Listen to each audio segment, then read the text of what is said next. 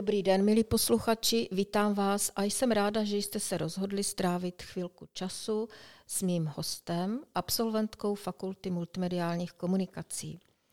Jmenuji se Radomila Soukalová a působím na Fakultě multimediálních komunikací a Ústavu marketingových komunikací téměř od jejího vzniku.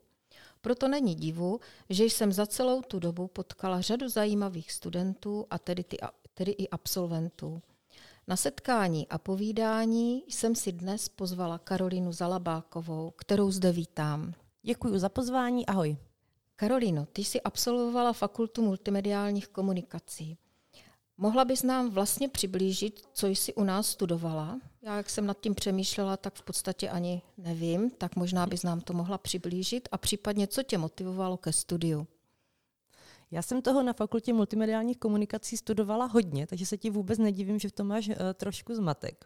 Rozhodla jsem se pro FMK už uh, v posledních ročnících na osmiletém Gimplu tady na lesní čtvrti ve Zlíně, kdy jsem věděla, že chci studovat nějakou vysokou školu, která nebude v uvozovkách úplně normální.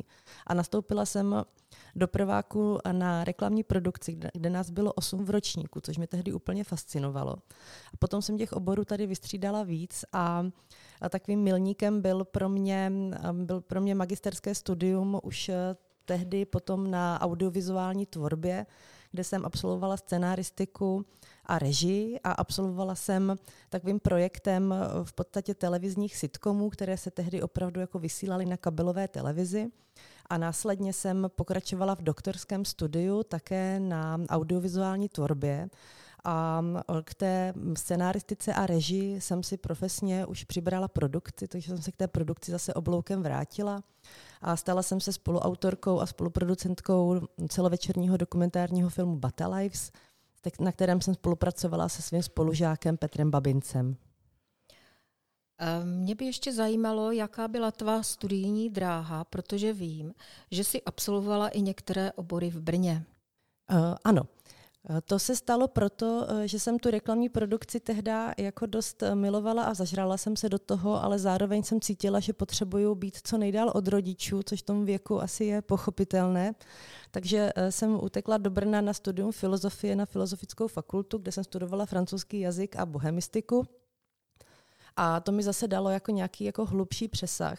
Ale zároveň sedět v té aule a být součástí toho zkostnatělého, z mého pohledu tehdy takového jako zastaralého systému, tak nebylo nic pro mě, proto jsem se zase vrátila tehdy na kombinované studium na FMK, ale zároveň už jsem věděla, že bych chtěla dělat něco hodně praktického a také kreativního, tak už jsem tehdy jako začala vlastně trošku pronikat do té praxe. Takže pokud jsem to dobře pochopila, tak si studovala u nás částečně obor marketingové komunikace a k tomu i produkci. Ano, vím, že to zní trochu složitě, ale je to takto, je to pravda. Nejprve jsem studovala produkci, potom marketingové komunikace a potom v kombinované formě audiovizuální tvorbu a potom vlastně audio, audiovizuální tvorbu eh, v doktorském studiu. Takže jsi v podstatě u nás vyzkoušela opravdu těch oborů celou řadu což je příjemné a pravděpodobně si ta, která to může nejvíce posoudit, to propojení. Myslíš si, že smysl propojení marketingových komunikací a například filmové produkce, případně nějaké umělecké dráhy, dává smysl? Rozhodně to dává obrovský smysl a bez toho propojení eh, by to ani úplně nešlo. Takže eh, nebo důkaz opravdu toho je, to jsou všechny ty úspěšné produkce a agentury, které založili absolventi FMKčka a sídlí v Brně, v Praze, ve Zlíně, jsou to všechny ty super studia, které právě dělají úžasné kreativní věci, dělají celovečerní filmy, dělají seriály, dělají úžasnou animovanou, úspěšnou animovanou tvorbu. A, a pořád ale je to založeno na kvalitní produkci a na těch producentských základech. A tím, že tato škola nabízí to, že se okamžitě všechny ty teoretické poznatky uplatníme v praxi. A zároveň je tam stále jako kladen důraz na to, že nejenom ta krásná fantazijní kreativa je potřeba, ale je potřeba k tomu doplnit něco, co vlastně tu fantazii postaví na nohy. Tak to si myslím, že je ten základ, ze kterého my teďka všichni ti absolventi jako stále čerpáme. Eh, co tě při studiu nejvíce oslovilo, případně vůbec nebavilo? Ty jsi naznačila, že v Brně tě vůbec nebavily ty obrovské přednášky. velkokapacitní přednášky teoretických předmětů. Bylo to tady trochu jiné? Bylo to rozhodně jiné.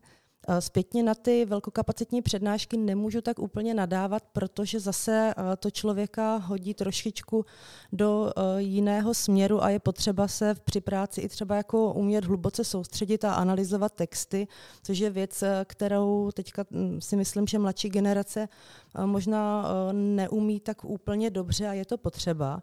Ale zároveň tady ta jakási jako svobodomyslná atmosféra a taková takové celkové prostředí volnosti a propojení mezi obory, tak to je to, co si myslím, že jako úplně nejdůležitější na tom studiu a co mi jako dalo nejvíc. To znamená, že jsem potkala lidi, který se, moji spolužáci, ze kterých se stali moji přátelé, ze kterých se stali moje, moji kolegové a to platí dodnes.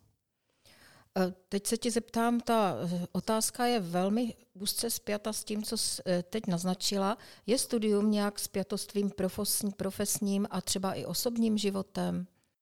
Já pracuji a žiju v oboru, ve kterém se stírají hranice mezi osobním a profesním. My opravdu se s našimi nejbližšími přáteli ty projekty tvoříme, vymýšlíme, realizujeme. A zase, když potkáme nového kolegu, tak eh, velmi často a v, fakt jako ve většině případů se potom stáváme jako celoživotními přáteli. Například eh, projekt, na kterém teď eh, aktivně aktuálně pracujeme, je hraný seriál desetidílný pro Vojo a pro Novu, který se bude natáčet tady ve Zlíně od půlky srpna 2022 a ten tým nejužší i ten širší je opravdu poskládán z lidí, kteří jsou naši kolegové a zároveň přátelé, takže jedno od druhého jako absolutně nejde oddělit. Takže dalo by se říci naprosto pohodové a kreativní prostředí. Ano, je to naprosto stresující a šílené prostředí, které ale milujeme a nemůžeme bez něho žít. Eh, jaké to pro tebe bylo eh, přejít ze studia do praxe? To nevím, protože jsem si toho vlastně nikdy moc nevšimla.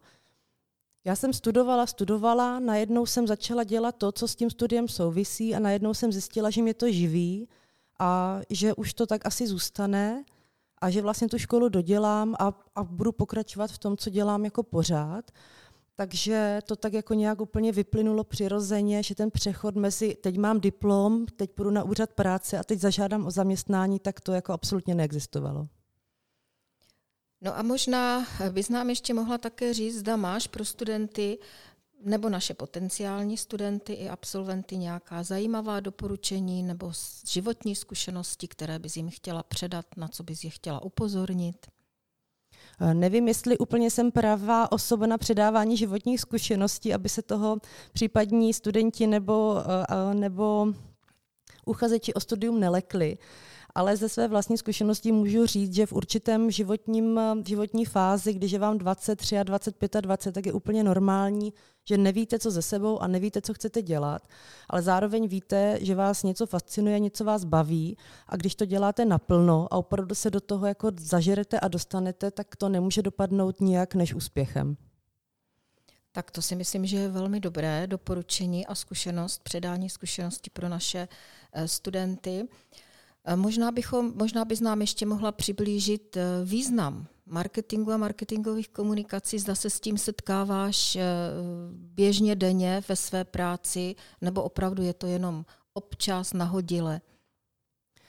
Eh, to si teďka připadám trošku jako u zkoušky a můžu se zeptat na stejnou otázku i naopak.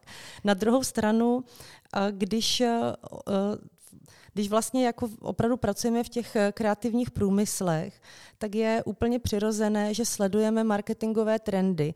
I když si řekneme, že jsme třeba filmaři, nebo že jsem dramaturgině, nebo že jsem externí pedagožka, tak pořád eh, sleduju spoustu podcastů a instagramových účtů, které se věnují výhradně marketingu, protože ty trendy, které marketing eh, neříkám, že nastoluje, ale nějakým způsobem reflektuje, tak to jsou pořád trendy, které se odráží v celé společnosti. Takže jako třeba sociologie a marketing si myslím, že má k sobě jako velice blízko, i když to tak nevypadá a někdo může ohrnovat nos, že marketing je povrchní a tak dál, což jako samozřejmě není vůbec pravda a je, potřeba, je potřeba ty obory sledovat uh, v nějakém jako širším kontextu, protože jenom díky tomu máme ten přehled, který potřebujeme pro svoji práci. Eh, zaslechla jsem, že jsi říkala třeba, že působíš i jako externí pedagožka. Mohla bys nám to přiblížit, co je pro tebe zajímavé v rámci externího, externí, jako externí pedagožka? Já už se tady eh, tomuto moc nevěnuju z časových důvodů, ale eh, moje úžasná třeba zkušenost je ta, že v doktorském studiu jsem měla možnost spolupracovat s několika velice talentovanými studenty bakalářského nebo magisterského studia a dneska jsou to moji kolegové, na které ráda vzpomínám a které jsem si vytáhla z toho studia, protože jsou bezvadně talentovaní a stali se z nich super profíci. Já bych ti, Karolino, poděkovala a doufám, že eh, se setkáme na našich oslavách 20. výročí Fakulty multimediálních komunikací v září a že si určitě popovídáme a ty se setkáš se svými bývalými spolužáky, se svými bývalými kolegy a určitě dojde i k řadě zajímavých, vým, k řadě zajímavé výměny zkušeností. Takže bude velký večírek, na který se už teďka moc těším. Děkuji za pozvání. Takže měj se pěkně, ať se ti daří v profesním i osobním životě a já doufám, že i my se někdy při dalších osobních příležitostech setkáme. Tak se měj pěkně. Děkuji ti, měj se pěkně. Ahoj. Ahoj.